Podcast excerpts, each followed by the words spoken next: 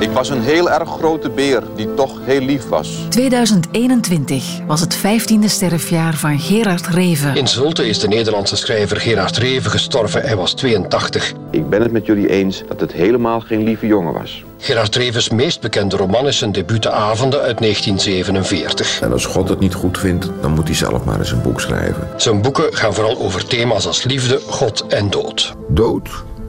Dood. Hij kreeg belangrijke literaire prijzen zoals de PC Hoofdprijs en in 2001 de Grote Prijs der Letteren. Naast schrijver was Reven ook een begenadigd causeur op radio en tv. De radio die ontelbare mensen, ondanks de soms geduchte afstand, nader tot elkander weet te brengen. In de podcast Reven tot Leven laat Lieven van den Houten bewonderaars van de grote volksschrijver een duik nemen in het archief. Uit de vele uren interviews kozen zij de mooiste momenten. Alle dieren zijn eigenlijk zonder het te weten katholiek. Reven tot leven. Decadentia, immorale, multifelti corti rocci. Deze keer met Christophe Fekeman. Dag Christophe Fekeman. Je dag leven. Uh, niet alle Revianen zijn even Reviaans. Met jou hebben we wel een hele maximale te pakken, geloof ik. Je, hebt het, uh, je bent schrijver al hoe lang? Sinds 99, althans toen ben ik uh, officieel gedebuteerd in uh, boekvorm. Maar ik was toen al ja, vrij sterk bezeten door een aantal schrijvers. Maar als je kijkt, de koning van dat aantal, dat geringe aantal, en daar reken ik bijvoorbeeld ook Jeroen Brouwers toe en, en Marcellus Eemans, om een oudere te noemen. Je hebt een talent voor bewondering. Ja, dat is een van mijn grote talenten zelfs. uh, maar de koning is toch Reven. Dat is een, een absolute constante.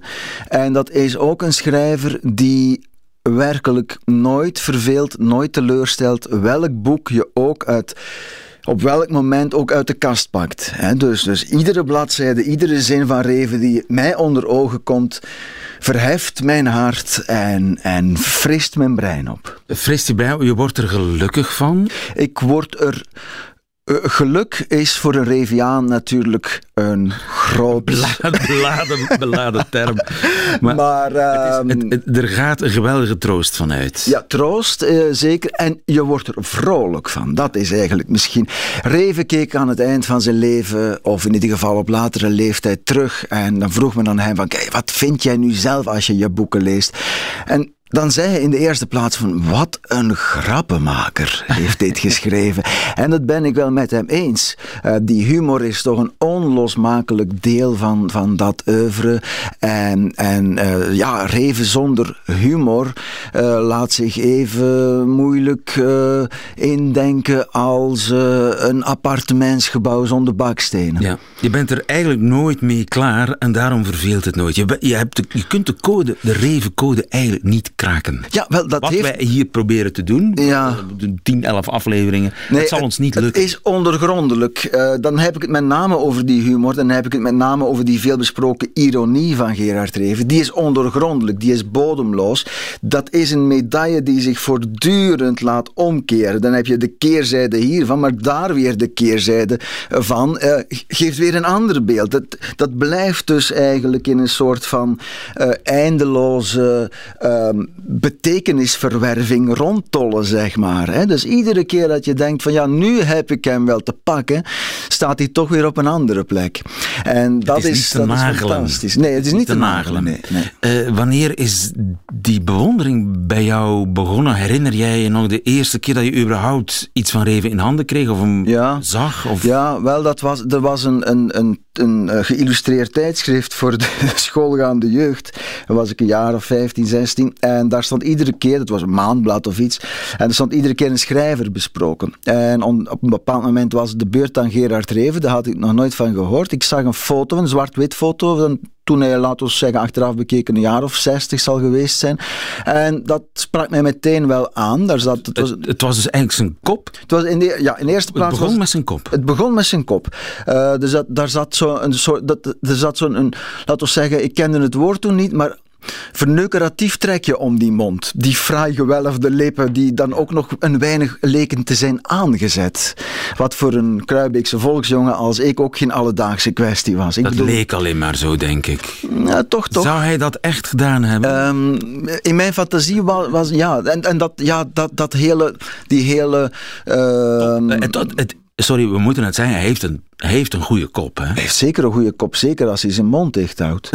Hè, als, je zeg, als je geen zicht hebt op zijn gezicht, is het geweldig. Hè. Zolang hij niet lacht, hij, hij mag grappen maken, maar hij mag niet lachen. Daar komt het een beetje op neer. Maar eh, nee, het is een goede kop. En, ehm, en toen ging ik lezen en dat eh, artikel, dat eindigde met... eh, nee, er kwam onder meer in, hij schreef de avonden en dat is een boek over verveling. Ik zeg, ja, hallo, hier zit een geïnteresseerde, dit is iets voor mij. Verveling, daar wist ik namelijk alles van af als 15, 16-jarige. En ehm, dan dacht ik van, ja, een boek over, dat heb ik nog nooit gelezen en een boek waarin niets gebeurt, dat bleek dus ook zo te zijn. Dan dacht ik, dat is echt mijn pakje aan. En dan kreeg je het einde van het artikel en daar stond, de laatste jaren is Gerard Reven een epigoon van zichzelf geworden. Hij wist natuurlijk niet wat het woord epigoon eh, wilde zeggen. Dat ging ik dan opzoeken en dan bleek, ah, dat is, die doet zichzelf na. En dat is dus een soort van, eh, dat kan dus als verwijt tegen je gebruikt worden, blijkbaar in een literaire beschouwing. En op de een of andere manier vond ik dat ook geweldig. Dat ik dacht van dat is iemand die zichzelf alsmaar herhaalt. Dat is iemand die inderdaad een soort van karikatuur van zichzelf gaat worden. En dat vond ik een bijzonder eh, interessante of mijn interesse wekkende kunstvorm, literaire kunstvorm. Het jezelf nabeginnen doen op zeker ogenblik. Daar werd ik ook zeer benieuwd naar. Oké, en toen je dan de avonden... Was de avond het Nee, eerste dan boek ging ik naar de bibliotheek, Ja? de, dorp, de, de boekerij geheten. en eh, dan eh, wilde ik de avonden lezen, maar dat was dan niet voorradig. En dan kwam ik thuis met De Vierde Man. En achteraf bekeken opnieuw, ja, dat is wel een heel ander boek dan De Avonden. Maar dat sprak mij ook meteen aan. En ik mag wel zeggen, ik was verkocht wat Reven betreft, maar ik was ook verkocht wat literatuur betreft. En daarmee bedoel ik literatuur van de hoogstaandere soort. En daarmee bedoel ik dan weer mee literatuur die het moet hebben van de formulering. En wat mij opviel, en van de stijl. En wat mij opviel bij de vierde man, en dat was echt een bleekopener. Van die man schrijft niet hij zei, die man schrijft hij zeide. Hè? En niet zou hij, maar zoude hij, enzovoort. En dat, dat was een heel specifiek soort van taal. En ik dacht, Reven heeft de deur naar de literatuur voor jou geopend. naar, naar de betere literatuur, inderdaad. Naar de literatuur die zijn kwaliteit ontleent aan de manier waarop het geschreven is. En niet zozeer aan wat er verteld wordt. En dat heeft mijn blik, mijn lezersblik, van het ene boek op het andere bepaald en, en, en, en, en ook je gevormd. latere schrijverschap. Kan En niet anders. indirect natuurlijk het schrijverschap, Indirect. zeker weten. Zeker weten, ja. ja. Eh, zijn humor. Ja. Ik, herinner me ook, eh Hanni Michaelis, de, de vrouw waarmee hij enige tijd getrouwd is geweest, die heeft ooit 40 jaar na eh, hun scheiding gezegd: Het was een slecht huwelijk, maar ik heb nooit meer met iemand zo gelachen als met Gerard. ja. En de grens tussen humor en ernst, die bij Reven eh, heel moeilijk te trekken is, daar gaan we ons vandaag in deze aflevering van Reven tot Leven een beetje mee bezighouden.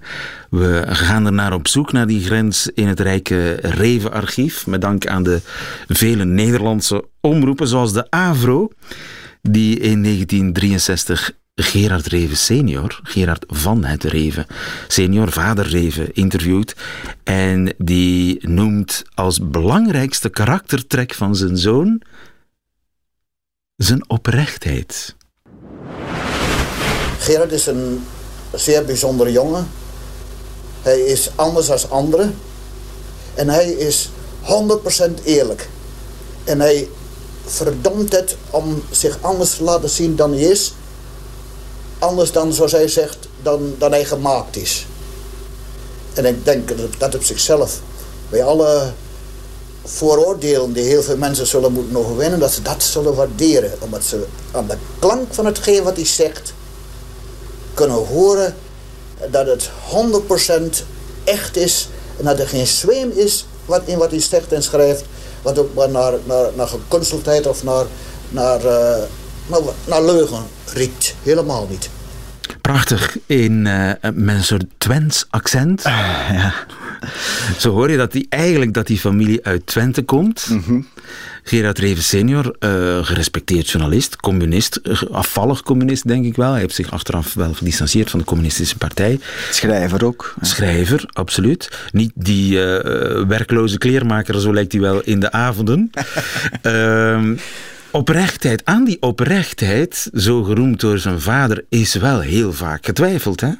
Ja, het is natuurlijk een beetje vreemd om die man te horen zeggen: er is niets gekunsteld aan, uh, aan Gerard Reven. Hè. De, Reven is toch een beetje de man van het pruimenmondje. En, en uh, om het met Moelisch uit te drukken, hè, het, de pink omhoog. Zo van ja, ik, ik zit je te belazeren waar je bij zit. Dus dat is een spel dat hij ten dele wel degelijk speelt. Aan de andere kant kan je wel volgen wat die man zegt. Reven liegt niet. In die zin, Reven kon in die mate niet liegen, denk ik, in de van zijn leven en zeker zijn werk. Uh, wat zich laat uh, aantonen door bijvoorbeeld het feit dat hij een aantal zeer moedige beslissingen heeft genomen op het persoonlijke en ook het literaire vlak. Gerard Reven kwam begin jaren 60 als homoseksueel uit de kast. Op een moment dus dat die kast wereldwijd vast op slot zat. Laat ons daarover duidelijk zijn. En ik denk niet dat dat een promotiestunt was, of ik denk niet dat dat in de eerste plaats een manier was om aandacht te verwerven. Ik denk dat dat het gevolg was van die wat die man zegt, die oprechtheid, die het geen keuze hebben, geen andere keuze hebben dan jezelf te zijn op seksueel vlak, maar ook op literair vlak. Hij heeft een aantal, hij noemde zichzelf vaak geen vernieuwer en alles wat nieuw is moet weg. Hè. Alles wat uh, nieuw is is slecht. Alles wat nieuw is is slecht. Uh, maar gelijkertijd, ja, je kreeg toch die, die, die zeer merkwaardig geconstrueerde brievenboeken, brievenromans als Op weg naar het einde, Nader tot u, met dan, dan nog dat assortiment geestelijke liederen aan het eind. Dat was toch een vorm. Een nieuwe vorm een nieuwe vorm, laat ons wel wezen. Het, een, een ander punt is die bekering tot de katholieke kerk, die natuurlijk heel vaak ter discussie heeft gestaan en die vaak uh, de bekering... Niemand geloofde dat het wel, oprecht inderdaad, was. Inderdaad, dat, dat, was, dat, dat werd vaak geïnterpreteerd als een soort, als een stunt, niet meer of niet minder. Maar achteraf bekeken was het opnieuw wel degelijk een zeer uh, moedige uh, keuze om in een context die uitgesproken niet religieus was, de jaren 60 van de vorige eeuw, uitgesproken progressief en zelfs anti-katholiek of anti-religieus was, uh, om, om daar toch uh, heel duidelijk voor een te tweede kennen keer uit de kast te komen eigenlijk. eigenlijk wel, ja. Ja, en, en dan nog als homoseksueel. Dus hij maakte eigenlijk hij maakte een beslissing die niet goed viel in het artistieke literaire milieu, waarin hij verkeerde, waartoe hij behoorde, maar evengoed natuurlijk niet als kersverse, uitgesproken, revistische homoseksueel binnen die katholieke kerk. Je kunt je natuurlijk voorstellen dat niet elke dorpspastoor stond te applaudisseren van ah, Gerard Reven, kom bij ons in de kerk. Dat is die man die God ziet in de gedaante van een muisgrijze ezel die hij drie keer achtereen in zijn geheime opening bezit. Ja, dat, dat, eh, dus dat, dat is een, een, een... Dan denk je van die oprechtheid, die, die noodzaak om zichzelf te zijn heeft geleid tot een aantal beslissingen die heel drastisch waren en zeker niet de gemakkelijkste. Ja. Nu, dat het geen stunt was, of zeker niet alleen een stunt was, zijn bekering tot het eh, katholicisme, zijn doopsel in 1966. Hij was toen, hoe oud was hij? 42, zoiets. Dat dat eh, niet helemaal uit de lucht kwam vallen, dat blijkt ook uit dit fragment van Karel van het Reven, professor Slavische talen op dat moment. eh, geïnterviewd in 1992 door de Nederlandse onderwijstelevisie. Gerard had altijd een, een, een, eh, zwak voor religieuze zaken. Hij las graag stukjes uit de Bijbel voor, bijvoorbeeld. Vooral de openbaring was hij goed in. Kon hij heel aardig uit voordragen. Toen hij een jaar of twaalf was, kon hij dat al. En hij ging toen wij in het betondorp nog woonden... ging hij wel in de Zacharias Jansenstraat naar een kerk op zondag. Maar wij dachten dat dat meer was dat hij, eh, dat hij het gedoe leuk vond. Die hele godsdienstoefening. Niet dat hij er zelf religieuze gevoelens op nahield. En later is het tegendeel gebleken. Ja, hoewel er mensen zijn die, die zeggen dat het ook allemaal maar poppenkast is. Kunt u dat beoordelen? Nee, kan ik niet beoordelen. Ja, De toon van broer Karel, ja. dat harde, dat nee, dat kan ik niet beoordelen, dat bijna, ja, een beetje macho, hè? Ja, je moet dat ook een beetje zien natuurlijk in die broederstrijd tussen die twee. Hè. Gerard die altijd sprak een beetje honend over mijn zeer geleerde broer. En, en, en, dus die mensen, waren, dat waren ook rivalen natuurlijk. Dat waren meer rivalen dan dat het dichte familieleden waren. Dus en dat hoor je wel een beetje doorheen wat, wat Karel van het Reven Ja, je hoort die geldingsdrang. Geldingsdrang, ja, dat is zo. Die, en zeker eh, Karel die dan ook nog met veel gelijkgestemden bevriend was, die de oudere broer was. Hij moet als jongere broer zich toch wel geïntimideerd hebben gevoeld. Ja, je mag, je mag ook niet vergeten, dus je noemt hem zelf professor in de slavistiek en weet ik veel wat, terwijl Gerard Reven zelf zijn middelbare schooldiploma niet gehaald had. Dus ook dat is natuurlijk uh, iets, iets wat, wat, als je dat puur hiërarchisch gaat bekijken, staat uh, Reven op, de, op een lagere trede van de ladder. Aan de andere kant was natuurlijk Gerard Reven vele malen geliefder, populairder, beroemder en verkocht hij meer boeken dan, dan die Karel van het Reven. Dus ja, ja. plus Karel van het Reven was kaal en Gerard niet. Hè? ja. Uh, Gerard heeft heel lelijke dingen over zijn broer gezegd, andersom nooit. Hè? Karel heeft nooit lelijk, eh, altijd alleen maar met liefde over Gerard gesproken. Ja, wel, dat, je zegt dat nu. Maar, maar met een zekere ja. dédain. Ja, precies, precies. Dus inderdaad, ik denk dédain van de intellectueel voor die, ja, voor die, die ra ra rare snuiter met zijn katholieke fratsen. We ja. dachten dat het maar poppenkast was. Ja, precies. En, en het gekke is, het, uh, Karel van het Reven gebruikt dat woord als een verwijt. Het, het, het gekke is, dat, of het ironische zou je kunnen zeggen, Gerard Reven zelf bij de uitreiking van de PC Hoofdprijs gebruikte datzelfde woord in 1968. Ja, Hij zei, ja, de, de, het katholieke, de katholieke kerk, dat is eigenlijk poppenkast en Jan Klaassen, dat is de paus. De katholieke kerk is een heerlijke kerk, maar is ook een poppenkast. En in een poppenkast moet je ook een Jan Klaassen hebben. En juist dat het een poppenkast was, gold voor Gerard Reven niet als een minpunt, maar eerder juist als een pluspunt, heb je de indruk. Hè? Het feit dat de, de katholieke kerk in de hoedanigheid van poppenkast zichzelf wist te relativeren. Dat ze een aantal dogma's had die niet naar de letter, maar naar de geest moesten worden geïnterpreteerd. Wat Gerard Reven als geen andere gedaan heeft natuurlijk. Dat maakt, dat was voor mijn part ook een groot een grote aantrekkingskracht voor Gerard Reven van die katholieke kerk. Um, en Reven heeft dat soms heel direct met zoveel woorden gezegd ook natuurlijk. Van ja, geloven in God, dat is eigenlijk niet zozeer uh, de, de kwestie. De kwestie is dat de mens niet zonder religie kan. De kwestie is dat ik religieuze gevoelens heb. En die moeten worden ondergebracht. Die moeten tot uiting komen in een bepaalde context, in een bepaalde, oh, in een bepaalde vorm. En daar, het was eigenlijk Eigenlijk zegt hij precies hetzelfde als wat de grootste atheïst zegt, namelijk de mens heeft God geschapen. Ik heb religieuze gevoelens, dus moet er een God zijn. Maar of die echt bestaat, maakt eigenlijk niet zoveel uit. Nee, want dat is eigenlijk... Ja, in die zin toont hij zich dan de typische ironicus die gebruik maakt, en er schiet niet veel anders op, denk ik, op dat vlak, gebruik maakt van de paradox. En in het geval van Reven uh, klinkt die zeer welluidend. Eigenlijk geloof ik niets en twijfel ik aan alles, zelfs aan u. Eigenlijk geloof ik niets en twijfel ik aan alles, zelfs aan u. Maar soms, wanneer ik denk dat gij waarachtig leeft, dan denk ik dat gij liefde zijt en eenzaam. En dat inzelfde wanhoop gij mij zoekt, zoals ik u.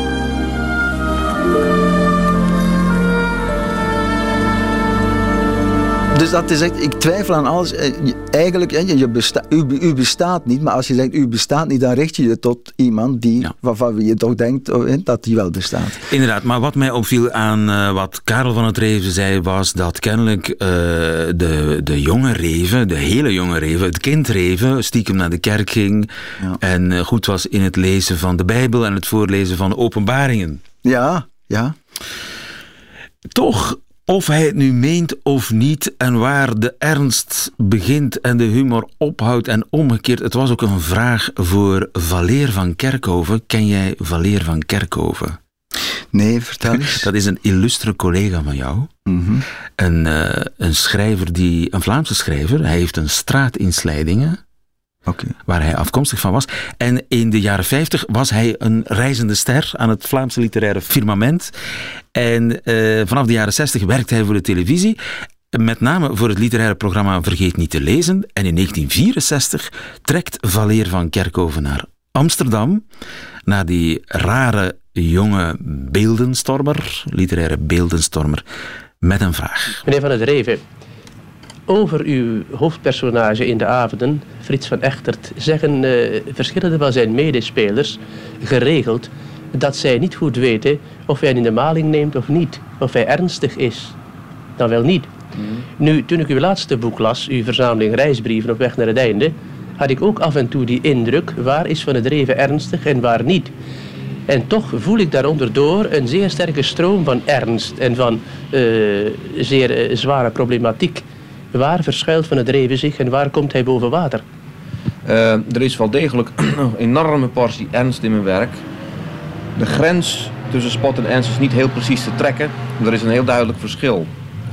wat ik belangrijk vind in wat ik vind dat literair werk altijd onverteerbaar maakt, is uh, als er geen humor is en als de auteur zichzelf zo doodserieus neemt.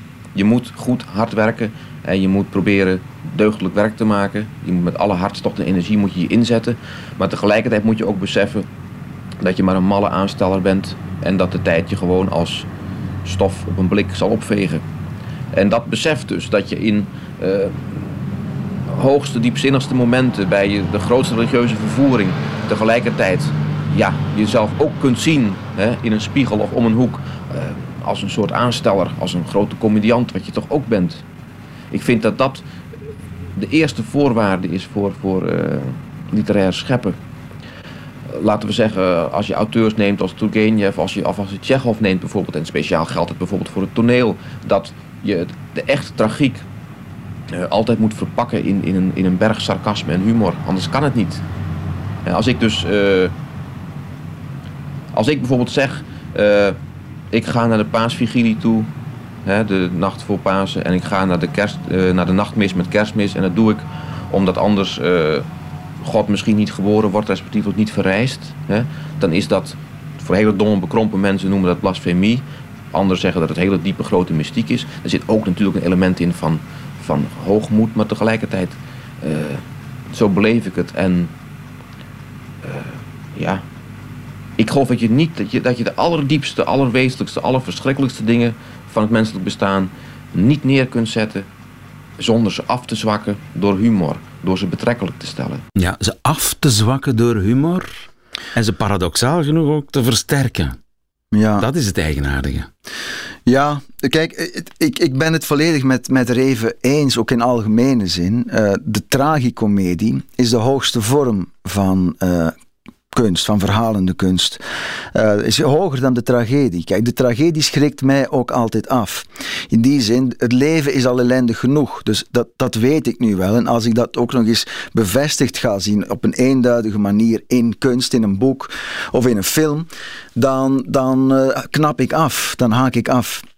Het is pas wanneer je inderdaad die humor eraan toevoegt en bij uitbreiding, want Reven spreekt vaak over humor en het belang van humor in zijn, in zijn werk, spreekt veel minder vaak, of bij mijn weten zelfs quasi nooit, over uh, het belang van uh, de stilistiek, de, de, de, de, de formulering en dergelijke. Terwijl dat voor een deel samenvalt natuurlijk, want die humor is vaak natuurlijk, komt tot stand door een manier van zeggen.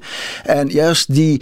die uh, die stilistiek, die, die toevoeging van die humor, die formulering, maakt dat die tragiek als het ware wordt overstegen. En dat die tragiek in die kunst, die kom je dan tegen als lezer en die herken je uit, de, uit je eigen leven of uit de werkelijkheid.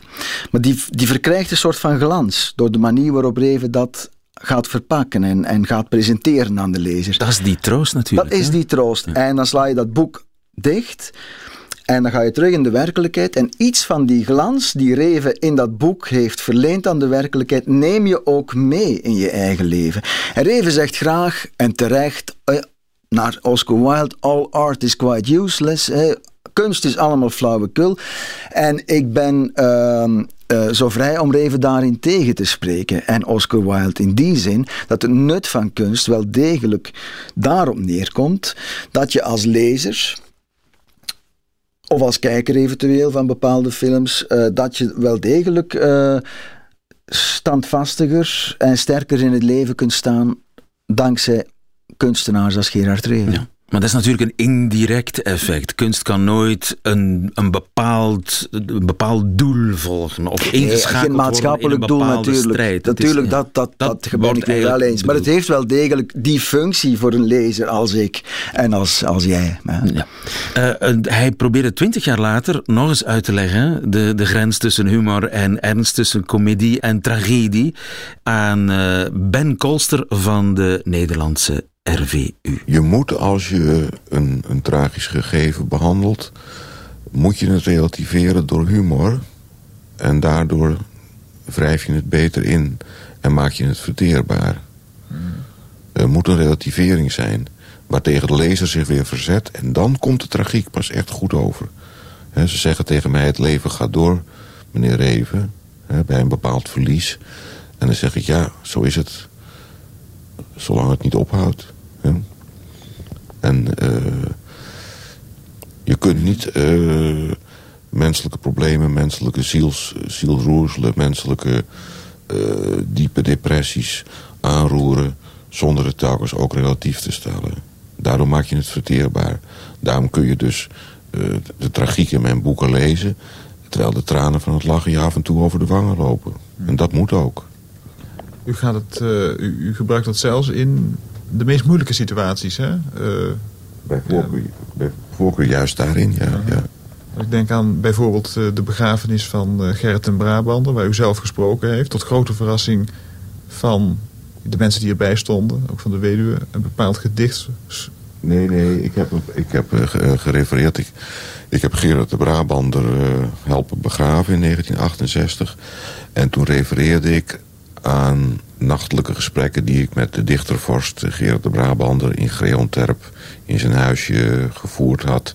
En waarin het ging over het uh, mysterie van het leven en over de dood en wat er eventueel achter de dood zou liggen.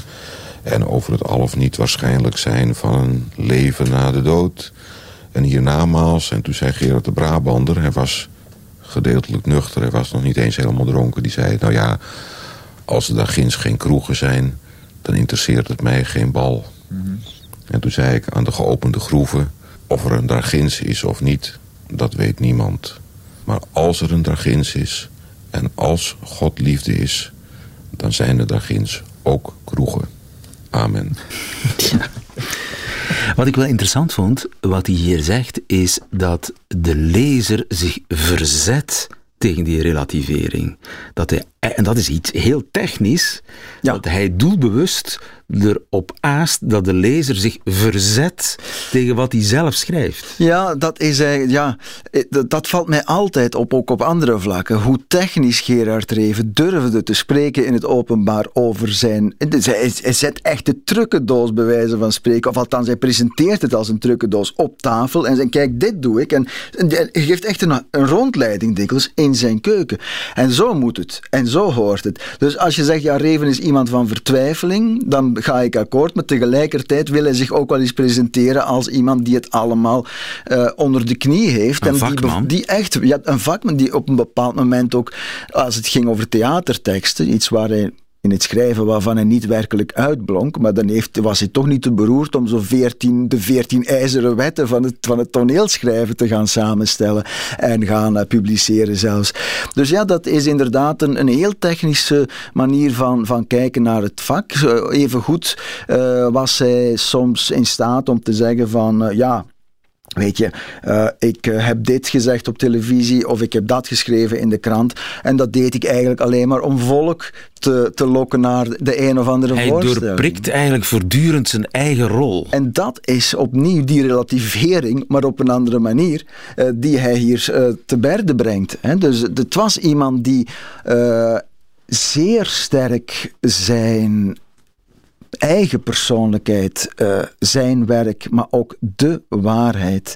En misschien bij uitbreiding de werkelijkheid wist te relativeren. En dat maakt tegelijkertijd, of dat komt heel sterk tot uiting, in die ironie van hem. Weet je wel, want die vraag die hier centraal staat in deze uitzending en die heel vaak gebruikt is of gesteld is aangaande de persoon Gerard Reven, meent hij het of meent hij het niet, is een onzinnige vraag. Want het is geen of-kwestie, het is een en-kwestie. Hij meende het en hij meende het niet.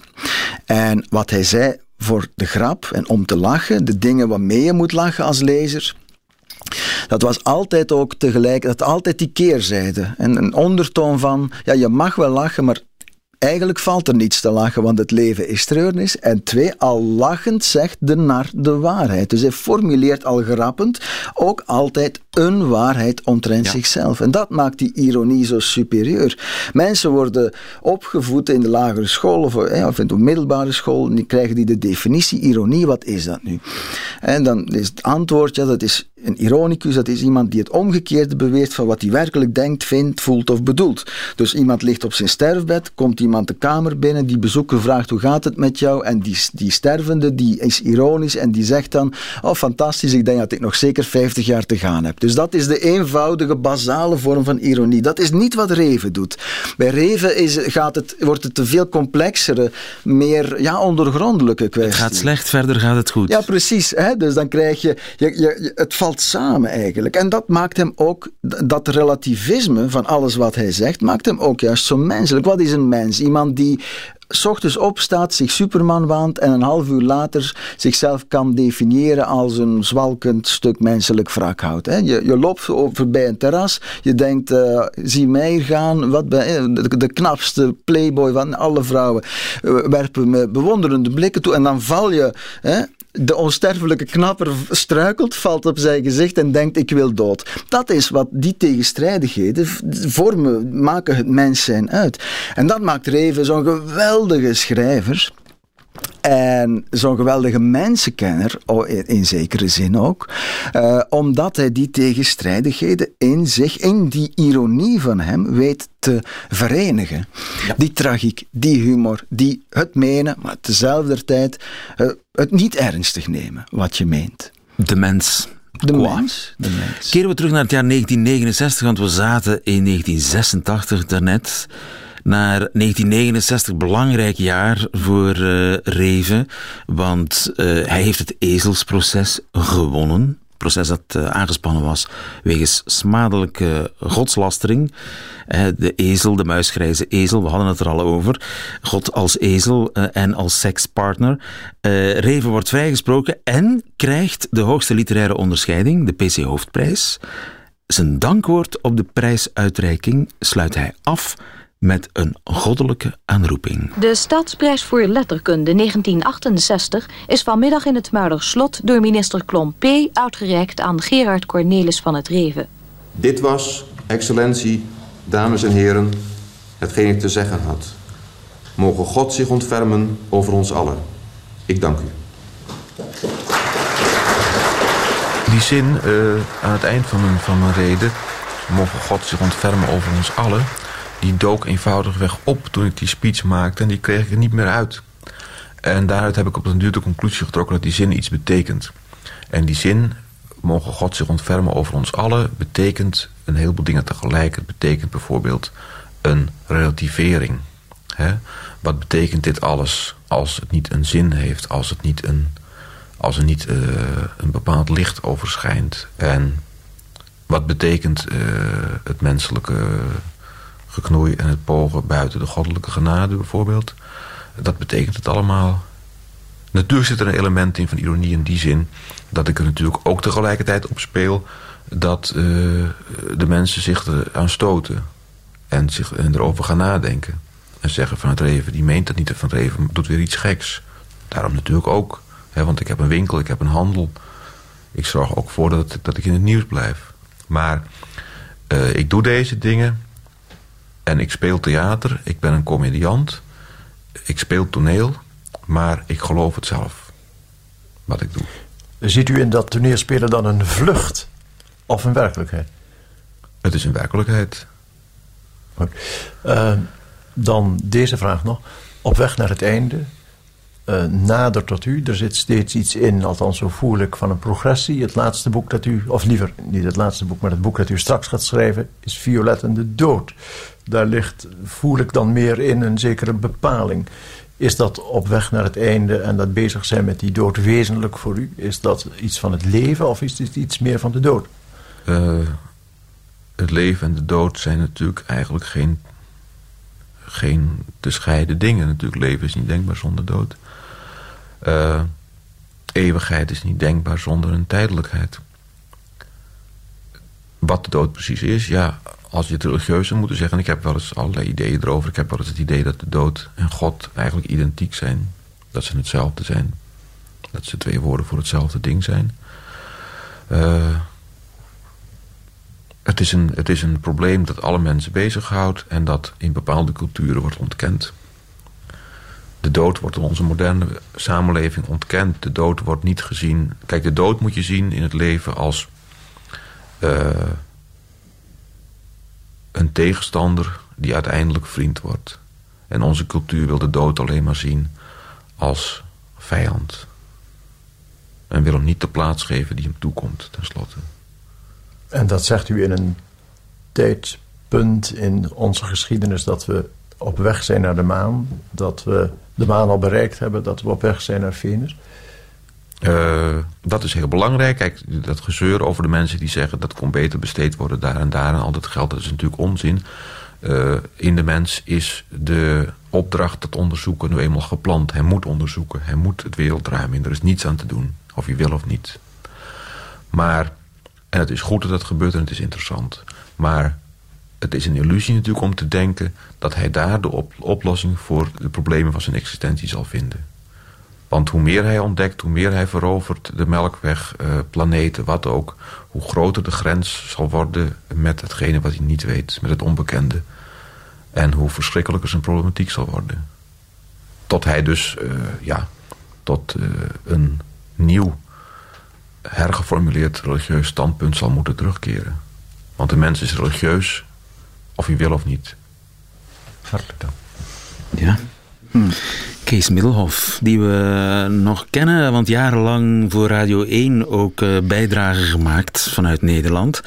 En uh, ja, toch wel een opvallend ernstige reven. Ja, wat, wat, wat toch weer frappeert, hij zegt het leven kan niet zonder de dood, de, uh, de tijdelijkheid kan niet zonder de eeuwigheid. Dat is een beetje een variant. Hè. Je hebt maar ernst wanneer er ook humor naast komt te staan. Maar hier is hij inderdaad wel redelijk ondubbelzinnig ernstig, lijkt het dan. Zeker wanneer het over de dood gaat en, en, en het religieuze karakter van mensen. Dat we de waarheid niet gaan vinden in het heelal of dat we God niet gaan ontdekken achter de wolken, hè, zoals sommige mensen wel eens menen te En dat we naar een geherformuleerd religieus standpunt zullen moeten ja gaan? Wel, eh, in die zin, je zou kunnen denken, dit is een, een opname van 50 jaar geleden. Ja? Het is een, nog steeds een act, misschien op dit moment even actueel of nog actueler dan in die tijd. In die zin dat met name in onze maatschappij, in België bedoel ik dan West-Europa, uh, de, de klassieke religie inderdaad uh, verkruimeld is, maar dat er daardoor juist een zeer grote nood aan het blijken is naar iets wat toch de alledaagsheid overstijgt. Naar iets wat je zou kunnen omschrijven als het hogere. Of uh, met ja, een beetje engere woorden als spiritualiteit en dergelijke. Maar toch is dat iets, een, een, een verlangen en een noodzaak van de mens die Reven hier aanduidt. Ja. Dat is heel duidelijk. En dat geherformuleerde antwoord, dat is eigenlijk er niet gekomen. Toch zeker niet vanuit de kerk? Nee, daarom, daarom krijgt hij vandaag nog meer gelijk dan hij toen al had. Ja. Uh, omdat, uh, omdat, omdat dat gat gapend is en gapender wordt. Vandaag de dag is er, is er geen, geen afdoend antwoord. En dat is, een, dat is het feit dat dat antwoord niet geboden kan worden op dit moment door een instituut of door een, uh, een bepaalde groep mensen of wat dan ook, of een soort van God, uh, maakt dat juist deze maatschappij uh, zeer... enfin, dat is, een, dat is een, een, een problematiek waar deze maatschappij bij uitstek onder te lijden heeft en onder gebukt gaat. Ja. Dat denk ik wel. Toen, in de jaren 60 uh, viel iedereen over de ezel.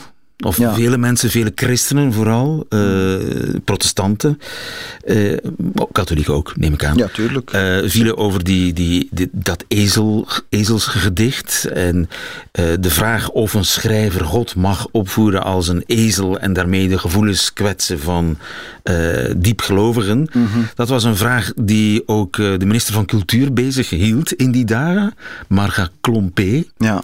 Zelf een diepgelovige vrouw die moest de PC-hoofdprijs uitreiken aan, ja, volgens velen toen, de duivel zelf. Mm -hmm. Hoe heeft ze dat gedaan? Met een speech. En ik heb de integrale speech teruggevonden. En hij duurt wel even, hoe lang? Hij duurt acht minuten. Mm -hmm. Zullen we toch naar luisteren? Ja. Hoe Marga Klompé, de diep-christelijke minister van Cultuur, de PC-hoofdprijs uitreikte aan voor velen de duivel zelf. Dames en heren, gij die hier vanavond mijn gasten zijt, ik heet u allen welkom bij deze literaire bijeenkomst, de uitreiking van de PC-hoofdprijs 1968, die volgens goede traditie op dit slot te Muiden wordt gehouden. In het bijzonder spreek ik er mijn vreugde over uit dat u, meneer Van Dreven, gevolgd heeft willen geven aan mijn uitnodiging. Want toen u mij voor veertien dagen uit Frankrijk liet weten dat u sukkelde met malaria overgehouden uit de Indische tijd, begreep ik dat ik niet al te stellig op uw komst vandaag mocht rekenen. Immers, welke andere ziekten uit welke andere tijden zou u onverhoopt niet hebben kunnen overvallen? Maar gelukkig, u bent er. En met u zijn daar uw vrienden en familie. En zij zijn mij even welkom als die andere groep van gasten, die ik in het bijzonder wil noemen de literatoren. Er is over Simon van Dreven, en daarna over Gerard Cornelis van Dreven, en over Gerard Cornelis Franciscus. Bij verschillende, ja bij iedere gelegenheid, zoveel en zo verschillend geschreven, ook van de officiële zijde, dat hij een controversiële figuur mag heten. Waar er met betrekking tot zijn persoon en zijn werk in het verleden. Blijkbaar redenen hebben bestaan voor de Rijksoverheid om af te wijken van gunstige adviezen, overigens betrekking hebbend op één onderdeel van zijn werk, was er voor mij aanleiding om mij nog eens nader te oriënteren over deze kandidatuur, niet alleen door lezing en herlezing van zijn scheppend werk, maar ook door lezing en herlezing van geschriften waarin hij zelf zijn opvattingen over zijn schrijverschap verduidelijkt. Ik heb daarom nog eens de pleitreden gelezen die hij in 1967 voor het Amsterdams gerechtshof heeft gehouden als, en ik zet het wel tussen aanhalingstekens mijn gedachten, als verdachte. En vergeeft u me het woord wat ik hier vanavond daarbij gebruik. Deze reden mag dan misschien nog niet officieel tot uw literair werk worden gerekend. Ze blijkt op heldere, ironische, maar vooral waardige wijze weer te geven wat de auteur zich verworven heeft aan theologische inzichten en religieuze ideeën en hoe hij meent deze kunnen verweven in zijn letterkundige arbeid. Een passage die mij daarin bijzonder heeft getroffen wil ik hier voor kort herhalen. En ik citeer. Ik ben van mening dat de kunstenaar dezelfde rechten en plichten heeft als ieder ander en dat hij in het maatschappelijk verkeer dezelfde zorgvuldigheid in acht dient te nemen als de welke ieder andere burger past. Dat is een banaliteit dat ware vrijheid gebonden is en dat de grenzeloze vrijheid van de een de onvrijheid van de ander inhoudt. Ik weet van veel mensen van allerlei dat de grondslag voor leesbare teksten zou kunnen vormen, doordat ik nimmer op papier zal stellen, omdat zulks strijdig zou zijn met eer en fatsoen. Zo dient iedere schrijver zichzelf beperkingen op te leggen. Met twee beperkingen wijs ik af. Ten eerste weiger ik mijn teksten aan te passen aan het begripsvermogen van de slechte verstanders. Dat is geen kwestie van beginsel, maar van vakmanschap. Ten tweede weiger ik, maar dat is geen kwestie van vakmanschap, maar wel degelijk van beginsel, bij het vervaardigen van mijn tekst rekening te houden met de boze verstanders. Al dus het citaat. Al is voor u, waarde van Dreven, de aanleiding tot het schrijven van deze Defensive Poetry, proces dat u is aangedaan en dat u heeft gewonnen, niet aangenaam geweest. Het harmonisch samengaan van hart en hoofd. En nu moet ik toch plotseling even denken aan Pieter Cornelis' zoon in dit huis en diens zinspreuk niet zonder hoofd, nooit zonder hart. Dit heeft mijn inziens geleid tot een, in uw tot een literair meesterstuk. Of het juridisch sluit, daar wil ik niet over oordelen. Maar wel heeft het mij kunnen overtuigen van de eerlijkheid van uw bedoelingen. Met u meen ik dat de bedoelingen van de auteur en niet de opvattingen van bepaalde lezers prevaleren. Ik heb dat ook elders, naar aanleiding van deze zaken, eens in het openbaar gezegd. Na lezing van dit pleidooi, ik had er met lezing van ander werk van uw hand, voor zover ik dat niet kende, de tijd voor genomen aan niet, en dan citeer ik een van uw opmerkingen, een snipperdag. Uh, die lezing heeft mij de, doen over, met volle overtuiging doen besluiten u de prijs toe te kennen. Dat u echter, ondanks die eerlijkheid, of juist door die oprechtheid voor velen, moeilijk verstaanbaar zet, ja zelfs misschien voor het andere onaanvaardbaar, dat is u bekend.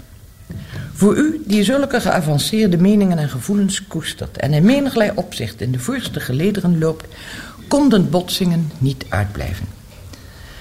In uw pleitreden geeft u als uw overtuiging dat, en ik citeer, de narigheid mede verklaard kan worden uit het feit dat sommige mensen niet begrijpen dat een religieuze tekst tegen elke interpretatie bestand is, behalve tegen die van de letterlijkheid. Gekend dezelfde, de zulke het recht toe tot letterlijke verklaring. Maar zo voegt ge daaraan toe, ik vind dat dan zijn oordeel geen grotere geldigheid heeft dan dat van de mensen die voorheen buiten de schouwburg de boef uit het stuk stonden op te wachten om hem een pak slag te geven. Burgerschrijver van Dreven, verhef u nu van uw harde zetel, opdat ik u de staatsprijs letterkunde kan overhandigen in een vorm die anders is dan gebruikelijk. Een vorm die de kunstenaar Swip Stolk eraan heeft gegeven en die, naar ik hoop, u bevalt.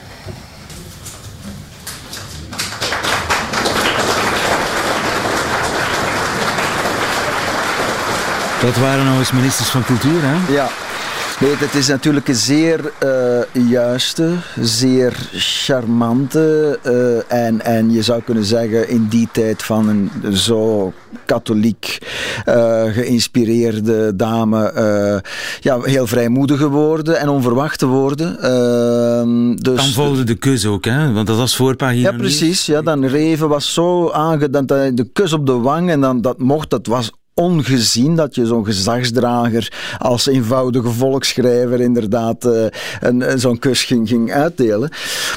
Nou, aan de andere kant kan je ook zeggen, dat, ik, ik, ik vind het ook behartigenswaardig, ook vandaag, wat zij zegt. De bedoelingen van de schrijver prevaleren op die van de lezer en je hoeft inderdaad geen rekening te houden met de gevoeligheden van slechte dan wel boze verstaanders. Um, toen hadden ze nog geen sensitivity readers. readers. Nee, dus dat bedoel ik inderdaad. Hè. Dus dat, het, het idee van...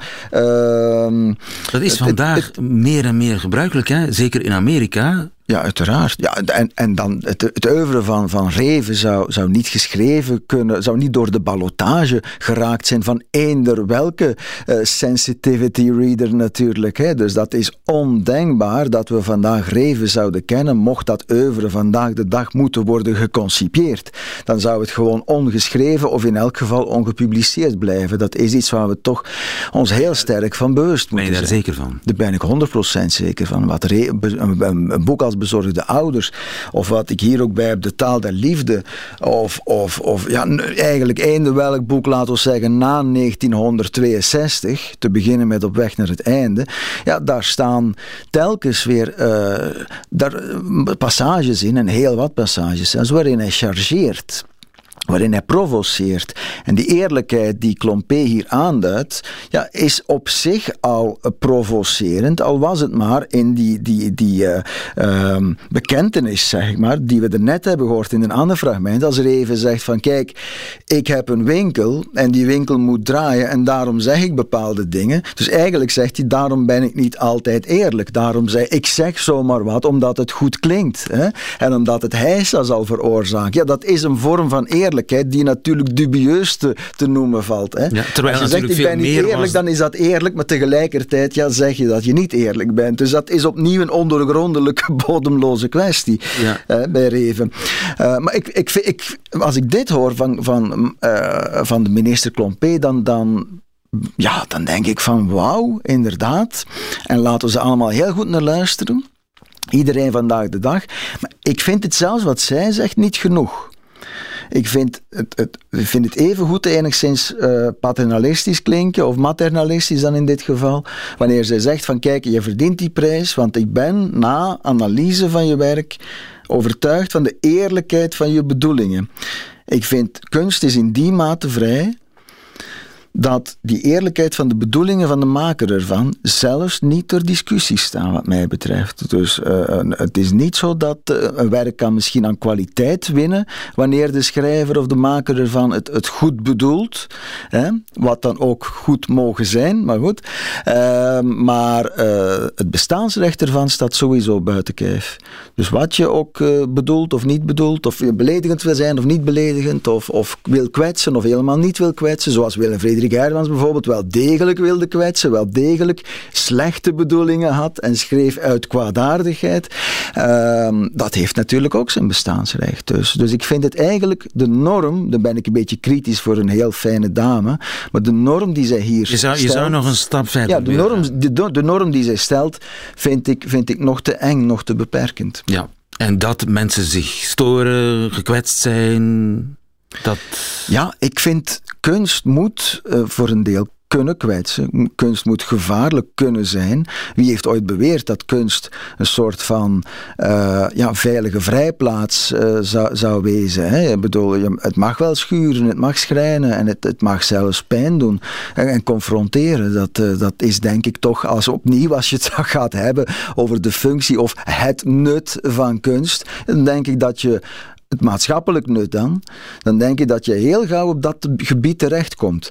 En ik denk dat de waar, ware nutteloze kunst is juist die kunst die niemand pijn doet. En juist die kunst die, uh, die vrijblijvend is.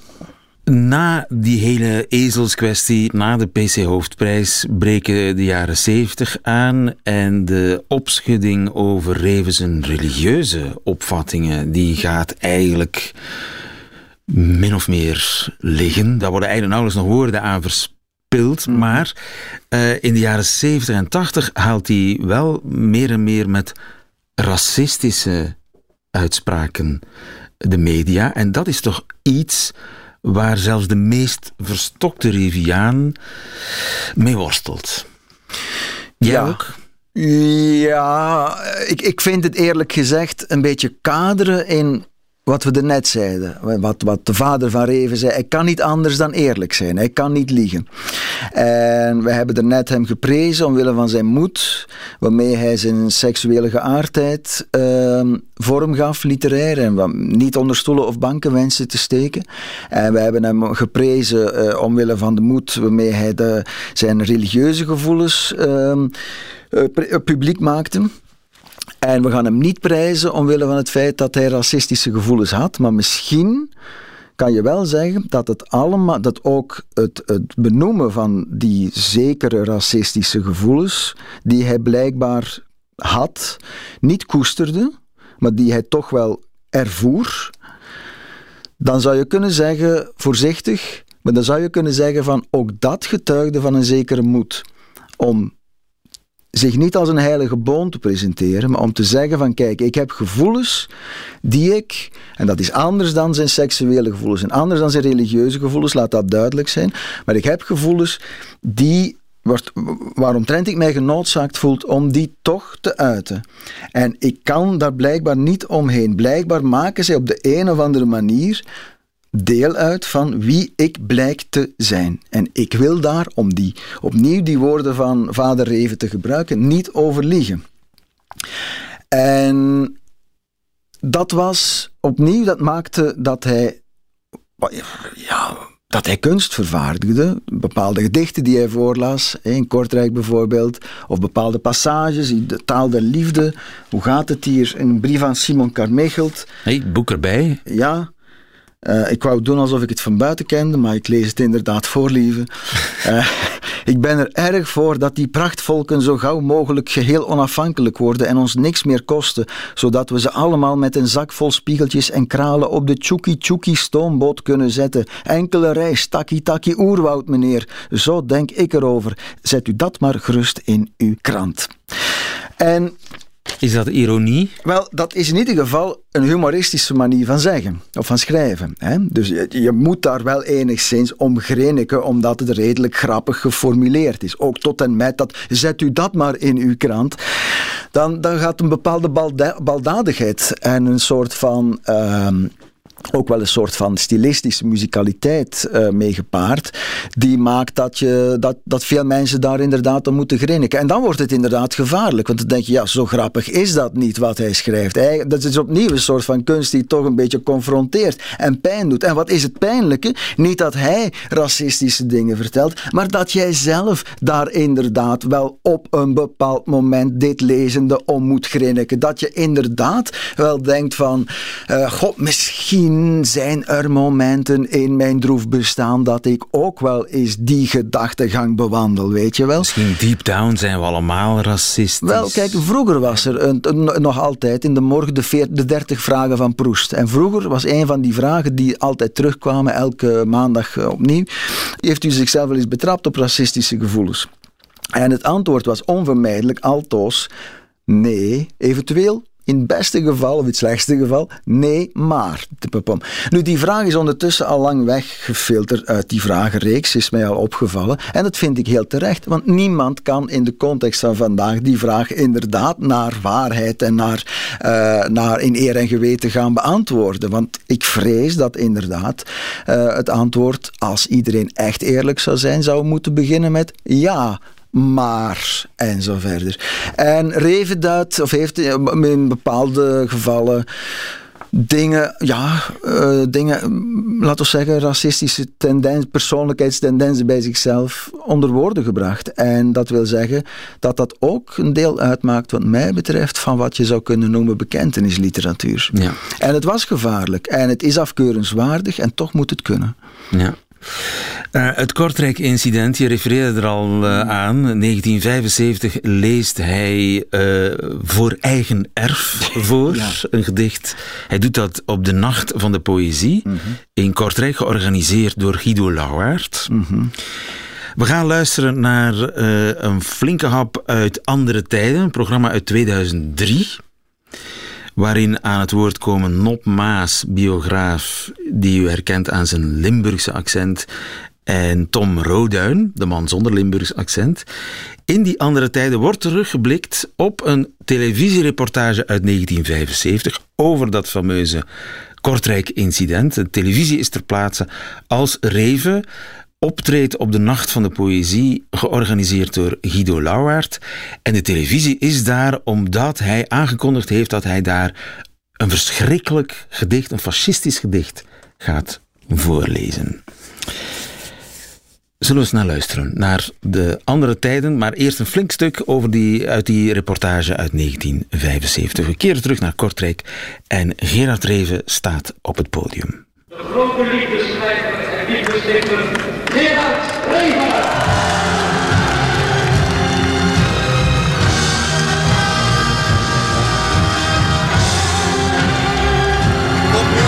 dames en heren, geliefd publiek, met mijn laatste gedicht van deze avond.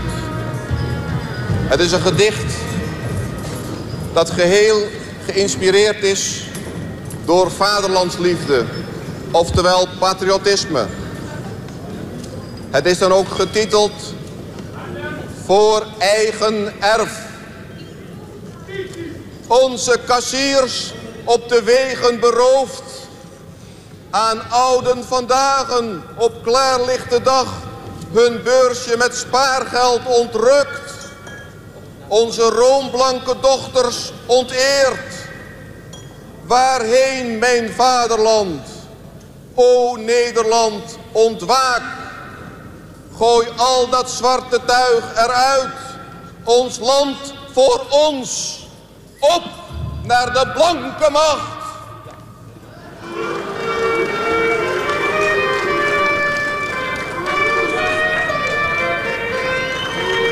Hij had dus vier van die symbolen hij zich omhangen tijdens dat optreden. De twee halfzachte, zoals hij dat noemde, namelijk het katholieke en het bandenbondteken. En de twee eh, dictatoriale of eh, totalitaire, eh, namelijk eh, de hamer en sikkel van het communisme en het hakenkruis van, eh, de, van de nazi's. Ehm, waarom deed hij dat, schrijft hij later? Eigenlijk om zijn hele optreden te relativeren. Alleen, ja, kijk, als mensen eh, dat niet gerelativeerd willen zien... Ja, dan heb je natuurlijk een probleem.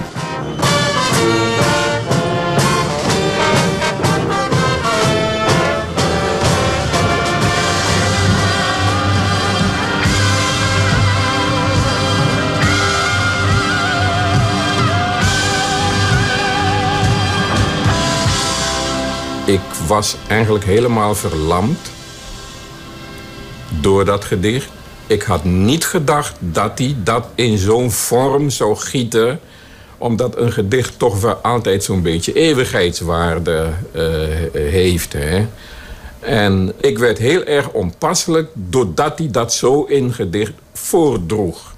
Toen ben ik hem gevolgd naar de kleedkamer om... Ik denk, hij kan toch niet zo gemakkelijk uh, van af van, van toch wel abjecte idee die hij uh, propageerde. Het is een beetje een cruwe formulering van het feit dat de, dat de mateloze, zinloze, uh, door een kwaad geweten ingegeven immigratie van rijksgenoten een ramp is. En niet alleen voor Nederland, maar een ramp voor die mensen zelf. Maar wat die geen werk vinden, die geen toekomst vinden en die, die vervallen tot tot gewelddadigheid, tot criminaliteit. Dat is, dat is een, een ellende. En de mensen die ze hierheen naar Nederland halen... dat zijn met hun onverschilligheid en met hun uitgaan van volkomen onpraktische, nutteloze idealen... doen de zaak van de samenleving, de rassen, heel veel schade. Ja, maar u Als er iets gedaan... problematiek waar u duidelijk niet, niet meer op de hoogte bent. Maar wat ik u vragen wilde, hoe nee, vindt luister u... eens, ik zeg, ik zeg nu hoe ik nee. erover denk en dat willen die mensen ja, weten. Goed, maar, maar, ik, maar ik kan toch niet tegen iemand ook weer toch, rechtvaardiging Nee, maar u kunt zich toch eens in een problematiek verdiepen voordat u zich een oordeel gaat aanmeten, laat staan dat via poëzie uitdragen. En u bent daar duidelijk niet meer op de hoogte. En ik vind het gewoon Nou, een grof schandaal. Terwijl u gewoon onder het mom van deftige poëzie in feite een soort van vuil racisme bedrijft. En dat vind ik uiterst droevig. 30 jaar na het verslaan van het fascisme bent u nu bezig een nieuw soort fascisme te creëren. En dan mag u het bedoeld hebben of niet bedoeld hebben, propagandastunt of geen propagandastunt, u wakkert latent racistische gevoelens bij grote groepen mensen aan. En speet. Meneer, Ja, wat is uw antwoord daarop? eh, ik, weet niet of dat, ik weet niet of dat zo is. Ik laat het voor rekening van meneer. Nee, u, u wendt nu een onnozelheid voor, maar diep in uw hart Hij moet u gewoon weten... Ik mag toch voor de camera enig. elke onnozelheid voorwenden die ik wil. Ik ben toch in een vrij Ja, land, ik hoef toch niet... Volgens Wat u heb je, aan- wat heb je met die mensen die die lezen een brochure van Maar- een maar u Marx... vergeet dat de aanwezigheid Het is een van de toestand dat mensen dat die, helemaal, die helemaal niet verbonden zijn Nee, met onze dat cultuur. Behalve dat ze onze taal kunnen spreken Ja, een beetje. precies. Maar wat, dat is maar wat 100 hebt u woorden dan kennen. Maar wat hebt u Ik heb dan nog niks daar gedaan? Of of Interessante jongen, Of uw laat hem Ik heb nog niks gedaan Of daar. uw soortgenoten. Hè? Of uw soortgenoten. U Kijk, moet dit probleem omdat, omdat die negers in Suriname 125 jaar geleden slaven waren. Is dat het recht dat hun achterkleinkinderen naar Amsterdam komen en van de steun Nee, leven? maar die zijn Dat nu bedoel ik. daar. Maar die zijn nu Dat bedoel daar. ik. En als je dat tegen die linkse mensen zegt en je zegt... Ja, Ja, met maar jij mensen vindt, maar, jij vindt wel maken. goed dat Oost-Duitsland geen schadevergoeding aan de nazi-slachtoffers betaalt... en geen schadevergoeding betaalt aan de Joden. Dat vinden ze vanzelfsprekend. Maar wij zouden, ik moet betalen voor een zwarte die overvliegt en die zegt... Ik heel erg vervolgd daar, weet je wel, takkie takkie, door mijn, eh, door jou over, over, over grootvader met zweepa. Hè? En Nou dat, ja. dat, is, dat is een recht van zo'n beroepen, dat is fictief. Dat is Ja, fictief. dat- Die mensen ja. moeten niet naar Nederland toe. Die Nou gaan ja, een ondergang tegemoet. Nogmaals. En je krijgt binnen een u- jaar krijg je een gigantische rassenrel in Amsterdam. Ja, door uw schuld. Omdat u nu zo, zo tekeer gaat. Als het er komt, want u werkt naar een tweede kristalnacht toe. Als het komt, dan komt dat toch hoofdzakelijk ook door uw schuld. En dat heb u aan die tijd. U, u, het gaat u niet alleen om zwart en het gaat u ook om arbeiders die u met pasjes wil laten lopen. U hebt gewoon een Nou, het zou heel mentaliteit. goed zijn, nou ja, arbeiders. goed, maar dan moet, dan moet dat een keertje, dan moet u dat een die keertje in gewoon rug zeggen. hebben en die, en die, die de diarree hebben, weet je wel, die hoofdpijn Nou ja, hebben. ja, en, maar- die, en die dan ja. uitkering krijgen waar ze waar, Maar u en, onttrekt dan- en s'avonds aan- en overal zwart de werken. U onttrekt zich aan de publieke verontwaardiging door dat te stoppen Dat is poëzie. Iedereen, iedereen heeft het recht zich aan de publieke verontwaardiging te Ja, maar u doet dat het gaat door, te vluchten in de poëzie en door te vluchten in proza, maar in feite bent u niets anders De dan poëzie een- en het proza zijn de enige werkelijkheid. Glimmerveen. Al de rest U is verschilt wat dat betreft geen enkel opzicht van Glimmerveen of van een Fontadin in Mijn Duitsland. man, en dat vind ik Maar ik kan schrijven. Hallo. Mijn lieve man, Ja, mag dat ik denkt u. iets, iets Dat zeggen? denkt u, maar of u kunt Waarom schrijven zal ook het ik nageslacht niks beoordelen. meer waard? Hé, dan Gerard van Treven. Jongens, we gaan, Waarom luistert gewoon door. niet naar hè? Fijne, Ja, fijne avond.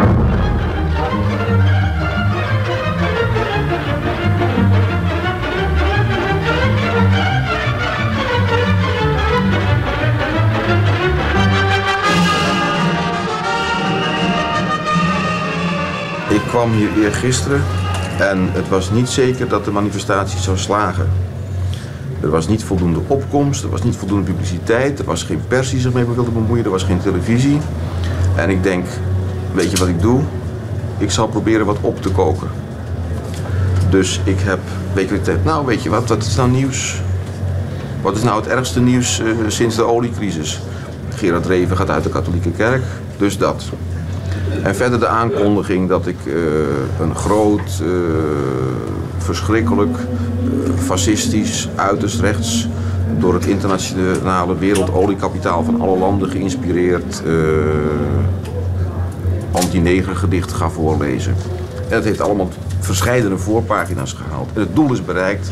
Er zijn niet 4.000 of 5.000 mensen gekomen, er zijn 10.000 gekomen. En de televisie die weggebleven zou zijn, die is gekomen. En de pers is gekomen en de Belgische televisie is ook gekomen. Ja. En u zit hier. Zo is het. Dus mogen we het zien als een publiciteitsstunt, eigenlijk kort samen. Ja, maar niet een publiciteitsstunt te mijne behoeven. Maar ik had een gevoel van verantwoordelijkheid. Ik zit hier, ik ben hier geëngageerd. En eh, ik ben donderdagavond aangekomen en ik zeg tegen... Ik heb ongelooflijke sympathie voor het werk eh, wat Guido Lauwaard doet. Dat is formidabel. Eh, ik ga kijken wat ik daar aan kan bijdragen. Hè? Ik word er geen cent rijker van en ik krijg natuurlijk ook een hoop gezeur in mijn kop. Hè? Wat heeft u vanavond nu eigenlijk bewezen, meneer Reven? Ik heb niets bewezen en met kunst wil ik ook niets bewijzen. En kunst heeft helemaal geen nut. Uh, vreest u niet dat wat u doet bij sommige mensen nogal gek overkomt? Uh, het is een, dat zou een overschatting zijn van de literatuur. Wat ik schrijf of zeg of doe, heeft op de gang der gebeurtenissen geen enkele invloed. Nu trekt iemand zich wat van aan en over een paar jaar gooien ze alles weg.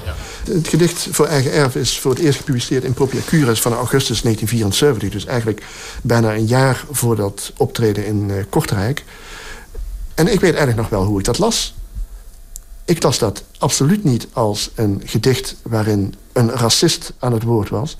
En waarom niet? Omdat in dat gedicht er allerlei textuele elementen zijn die ja, voor een beetje fatsoenlijke lezer niet de indruk wekken dat hier iemand aan het woord is die serieus bedoelt dat tegen de Black Power in Amerika de blanke macht van Nederland georganiseerd zou moeten worden. Kijk, en als hij het op een gegeven moment heeft over onze roomblanke dochters die onteerd worden, nou ja, bedoel, dan zeg je daarmee eigenlijk toch dat. Uh, zo'n gedicht niet als een serieuze uh, racistische uh, aanval op wie dan ook gezien moet worden. Maar dan is het wel degelijk uh, een ironisch product. Ik denk dat hij soms balanceert op het, op het randje van het toelaatbaar en daar soms overheen gegaan is. Dat zich dat zelf ook heel, heel goed bewust is geweest.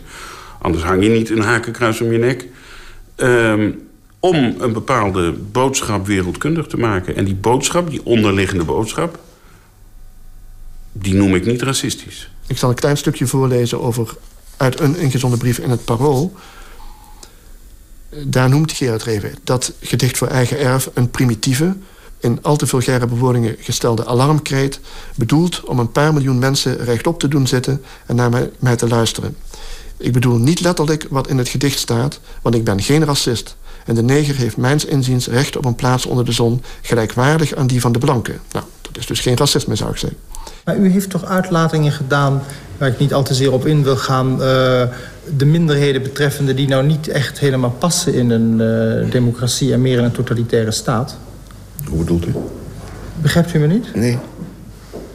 U heeft toch uitspraken over minderheden hier in het land gedaan... die niet al te vriendelijk waren, bijvoorbeeld? Nou, dat valt eigenlijk wel mee. Ik heb gezegd, ik heb gezegd dat uh, mensen hier naartoe halen van overzee... uit een soort schuldgevoel. En voor mensen waar geen woonruimte, voor wie geen woonruimte is en geen werk is... en die uh, gedoemd zijn om te verpauperen... Uh, dat vind ik eigenlijk racisme. Ik bedoel, die mensenliefde van het socialisme tegen overgekleurde rassen... Die is, dat is een liefde die niks kost. Ik geloof dat hij ook bepaalde profetische, uh, bepaalde zienerkwaliteiten heeft gehad. Dat, dat hij, dat hij uh, als eerste iets durfde te beweren wat later uh, gemeengoed werd. Reven als profeet, sla je niet een beetje door? Nee, ik denk het niet. Ik denk dat hij echt uh, bepaalde dingen eerder zag en eerder durfde en eerder uh, door had dan, dan veel anderen. Ja. Wat hij in die jaren zeventig, toen het, toen het, het socialisme uh, hoogtijd vierde, uh, deed... dat was waarschuwen tegen het gedoogbeleid. Bijvoorbeeld tegen junks die altijd maar je auto openbreken. Of tegen het onderwijssysteem dat slechter en slechter wordt. Of tegen kunst moet het volk verheffen. Daar was hij ook razend over, over dat soort opvattingen. Dus... Um, ja, en dat zijn allemaal dingen die, die, die nu uh, niet gek zijn om te roepen. En toen wel. Dus wat dat betreft is Reven in mijn ogen wel degelijk een... Uh, ja, een ziener. Ja. Bent u gek of niet? Wat? Bent u gek? Uh, ja, ik weet het niet. Soms denk ik wel eens... Ik bedoel, ik, als ik gek ben, zit er wel een systeem in. Kon u nadien nog van Reven genieten? Kijk, dan krijg je... Kijk, ik heb daarna nog veel van hem gelezen. Mooie literaire teksten. Maar... Uh, het leest toch anders. Je denkt van... Moet ik dit nou leuk vinden? En moet ik andere mensen vertellen... Lees er even... Zonder dat je misschien wat gif meegeeft. Ja, dat was een, een, fragment uit andere tijden, uh, waarin ook uh, reportages zaten uit 1975. Mm -hmm. Onder andere Reven die heel boos wordt backstage als ja. hij door een Surinaamse advocaat André Haakmat, we hoorden hem er net nog, wordt geconfronteerd met, uh, ja, je bent eigenlijk een broodje racisme aan het uh, opvoeren. Je bent een, een kristalnacht aan het uh, voorbereiden. Ja, we hebben natuurlijk verschillende dingen gehoord. Hè. Laten we beginnen met dat gedicht aan eigen erf. Als je het inderdaad leest, of als je het gewoon ook in, tijdens die, die nacht van de poëzie hoort, wanneer Reven het aan het debiteren is met overslaande stem, die niet zijn gewone voordrachtstem is, laat dat toch duidelijk zijn. Dus dat is al een indicatie dat hij daar niet helemaal staat als zichzelf. Uh, en als je dat dan hoort of leest, dan denk ik aan de regels van een ander gedicht van hem, een later gedicht in 1983, waarin hij zegt: Ik moet de wijken van het volk in. En mijn oor te luisteren leggen, zo hoor je nog eens wat. Wat wil het volk niet veel goeds, dat is zeker. En dit gedicht aan eigen erf zou je kunnen lezen, of heb ik zelf altijd gelezen, als een soort van illustratie bij die regels. Hè. Dit is niet de taal der liefde, nee, dit is de taal van de toog die hij hier uh, gaat gebruiken. Hij bedient zich hier louter van een aantal volkse clichés, van ze pakken onze vrouwen af, ze gaan met het geld lopen, je kan niet meer veilig, je kan s'avonds niet meer op straat komen en iedereen, dat tuig moet eruit. Dat is werkelijk um, louter inhoudelijk gesproken is dat de taal van de toog en erger. Hè? De taal van de toog in, in Café de Vlaamse Leeuw. Um, maar daar backstage krijgt hij ja, echt voilà. een woedeaanval. Nee, inderdaad. Dus je, als je dat gedicht op zich bekijkt of beluistert, dan denk je van, hij zet hier de racist te kakken. Dit is duidelijk een persiflage.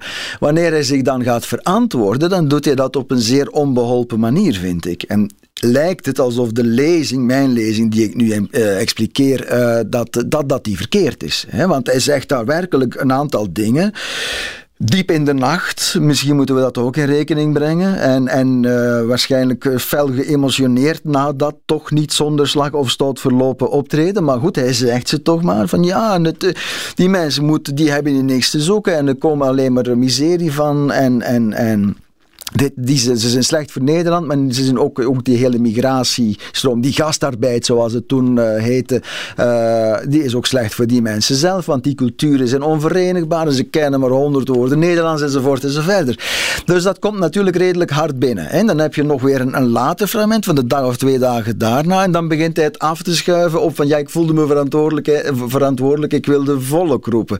Dus je hoort een aantal heel verschillende uh, revens die die eigenlijk tegenstrijdige dingen zeggen, vind ik eerlijk gezegd. Ja. Ook, ook later nog weer een fragment zegt hij van, ja kijk, uh, ik wilde daar iets aanduiden uh, van de problemen die ons te wachten staan. En inderdaad zijn, uh, ja, die problemen, die kennen wij van de afgelopen ja, Dat is wat Tom Roda ja, zei. Hij is eigenlijk Absoluut. een soort profeet. Hij ja, durfde dingen zo, aankaarten. Zo kan je het ook weer gaan beluisteren. Hij durfde zeggen van die multiculturele samenleving, dat zal niet zonder slag of stoot, of dat zal niet zonder problemen verlopen. Precies, ja. Maar het punt is natuurlijk dat hij backstage, dat hij dat niet zegt zoals jij het nu samenvat. Hè. Nee. Daar, heb je, daar voel je toch wel een emotionele onderstroom bij hem, die je toch, laten we zeggen, als enigszins, daarom niet racistisch, maar die nuance maak ik toch liever als xenofoob misschien valt te, te bekijken. Ja. En dan, dan ga je. Niet omheen draaien, dat, dat, dat was hij. Precies, en maar dan mag je dat ook weer kaderen vind ik, in een bredere persoonlijkheidsproblematiek, waarin angst sowieso een grote rol speelde in de door Reven bij voorkeur zo klein mogelijk gehouden wereld waarin hij wenste te vertoeven. We hebben het nu, of ik heb het nu, over de Reven bijvoorbeeld, die in het zuiden van Frankrijk zich ging opsluiten op de top van een berg in een zelfgebouwde uh, uh, bunker. Tje bunkertje. Kluis. Ja. Hè? Dus ik bedoel daarmee, dat, dat soort van figuur was hij. En dat hij bijvoorbeeld uh, spuwde op Amsterdam. En de cultuur van uh, ruimdenkendheid en vrijheid, blijheid, die daar in de jaren 60, 70, 80 heersten. En vandaag nog in, in Hij is een getraumatiseerde communist. Hè? Wel, ja, weet je, dan, daar, daar, kan je, daar moet je het eigenlijk in zien als een revenliefhebber in die grotere context, om het hem inderdaad te kunnen vergeven. Ik bedoel niet dat gedicht, maar wel de verantwoording van dat gedicht backstage diezelfde nacht. Ja. Uh, maar daar, daar vind ik dat hij werkelijk. Daar had hij beter zijn mond gehouden. Uh, ja. Dat, ja, maar hij, hij ja. hield niet van tegenspraak, hè? Nee. De, en dan werd hij kwaad, hè? hij werd, je, je hoort. En kijk, daarom merk je dat Reven toch altijd als publieke figuur goed wist wat hij deed, doorgaans. En toch een soort van rol speelde. En die, dat timbre en die toon van ik ben een man uit één stuk die het eigenlijk allemaal goed onder controle heeft en goed weet. En ik ben heel bedaard en ik richt mij tot mijn volk. En bij uitbreiding zij het indirecte gehele mensheid, die reven die de grote schrijver speelt, je merkt aan de hand van dit fragment backstage dat het voor een deel toch echt wel een rol was. Dat het echt wel een doordachte, bewust uh, opgezette manier van optreden was. Een soort van façade. Maar daar voeg ik aan toe, dat is ook weer de essentiële Reven. Ik bedoel daarmee, de façade van Reven was Net zoals ernst en humor vaak bij hem verwisselbaar waren, die façade was ook wie hij was. We hebben het eerder gehoord, toneel dat hij speelt is een werkelijkheid. Hij speelt een rol, maar de rol die hij speelt, krankzinnig als het klinkt, is wie hij is. En dat is opnieuw iets van algemeen menselijke geldigheid, wat mij betreft. De façade waarmee wij de buitenwereld tegemoet treden, zoals hij de camera en het publiek tegemoet trad, dat is niet zomaar louter schijn. Nee, dat is de gevel die een deel uitmaakt van het huis. Sterker nog, een substantieel deel uitmaakt van het huis. Nog sterker gezegd, zonder de gevel zou er van een huis geen sprake zijn. En dat is essentieel bij Reven. Die schijn en die werkelijkheid, die gevel en dat huis, dat is inwisselbaar. Dat komt uiteindelijk op hetzelfde neer. Zoals, zoals in zijn uh, um, theorie God en dood hetzelfde zijn en zoals leven en dood niet zonder elkaar kunnen. Zullen we afsluiten met een gedicht? Ja, tuurlijk. Voilà. Structureel geweld. Het gaat eigenlijk over een Vlaamse schrijver, hè? Die, die wordt opgevoerd in het gedicht. Ja, ja, Hugo Raas. Hugo Raas. Iemand die onlangs uh, nog, uh, nog opnieuw uh, is uitgegeven, overigens, bij een uitgeverij. De naam ontsnapt, mijn kleine uitgeverij, maar De Vatsige Koningen. Ehm, en een boek uit volgens mij begin jaren 60 is opnieuw uitgegeven. Ik heb gelezen. Ik moet eerlijk zeggen, uh, Raas maakte een betere indruk op mij uh, op basis van dat boek dan uh, hij wordt afgeschilderd door Reven in dit gedicht. Ja. Terwijl hij zijn veertiende flesje pils uit de krat trekt en met de wipper, zonder te kijken, kreunend openduwt, zoals de orang-oetan, zonder zijn blik van het publiek te wenden, een pinda tussen duim en dierenvinger knappend pelt, klaagt Hugo R. luid tot mij voort. Mijn lijn wordt afgetapt, al maanden. Je wat wordt afgetapt? Mijn telefoon, ik word afgeluisterd, het klikt. Ongehoord, zeg ik, terwijl ik denk... wat valt er bij jou af te luisteren? Ja. De genadeloze Gerard Reven, de ernst en de humor wanneer ze in elkaar overvloeien. En ja, de racist Reven, of de xenofoob Reven. Soms zit het wel een beetje in de weg hè, van, van je uh, Revianisme. Ja, maar laat ons wel wezen, als je alle racistische passages uit dat hele meterslange oeuvre gaat uh, selecteren, dan kom je misschien ik zeg misschien aan twee kwart op bladzijde. En als je het in ruimere zin gaat, uh, gaat ja, als, je zelfs zijn, zijn voorliefde voor, uh, en dat blijkt tenminste uit zijn roman Bezorgde Ouders, voor uh, de zwarte medemens als liefdeslaaf of als liefdesgenoot, ook als racistisch gaat bestempelen, dan kom je misschien aan vier kwart op bladzijde. Maar ja. het is, het heeft, het, je mag het niet uit de weg gaan en ik ben blij dat we erover hebben kunnen spreken. En het kadert ook zeker natuurlijk één de, de, ah, ja, alles wat je over de ironie van Gerard Reven uh, moet beweren of, of kan beweren. Maar uh, het is niet iets dat, vind ik zelf, een, een substantieel deel uitmaakt van wie hij was en wat hij heeft geschreven. In tegenstelling tot die religieuze gevoelens van hem, in tegenstelling tot zijn seksualiteitsbeleving als homoseksueel, maar evengoed uh, als revist, wat hij dan, dus met een voorliefde voor de meedogenloze jongen, aan wie hij uh, uh, bepaalde offers brengt en zo verder. Dus die hele specifieke seksualiteitsbeleving, dat, dat zijn. En, en het thema wat hij zelf noemt, van de verlossing. Dat zijn de dingen waar je werkelijk als Reviaan op gefocust bent. En ja, dat wat, wat, dat, wat dat racisme betreft, dat is toch een beetje. Uh, je mag het niet tot een voetnoot reduceren, daar is het te kwalijk voor, zou je kunnen zeggen. Je mag het niet goed praten. Je mag het niet goed praten, maar tegelijkertijd is het ook niet uh, iets waar je uh, finaal over moet struikelen en, en daadwerkelijk de, de wind moet zijn die de deur naar het oeuvre met een geweldige klap dichtsmijt. Dat zou echt wel heel jammer zijn. Christophe Vegeman, mag ik je hartelijk danken voor dit diepgaand gesprek, deze diepgravende analyse van uh, Gerard Reven. Ik dank ook alle omroepen die zo vriendelijk zijn geweest om met ons mee te werken en hun archief uh, ter beschikking hebben gesteld. De meeste Nederlandse omroepen. Die staan ook uh, overal vermeld. ik dank u voor het luisteren en ik wil u erop wijzen dat er nog negen andere afleveringen zijn van Reven tot Leven. Tot een volgende keer.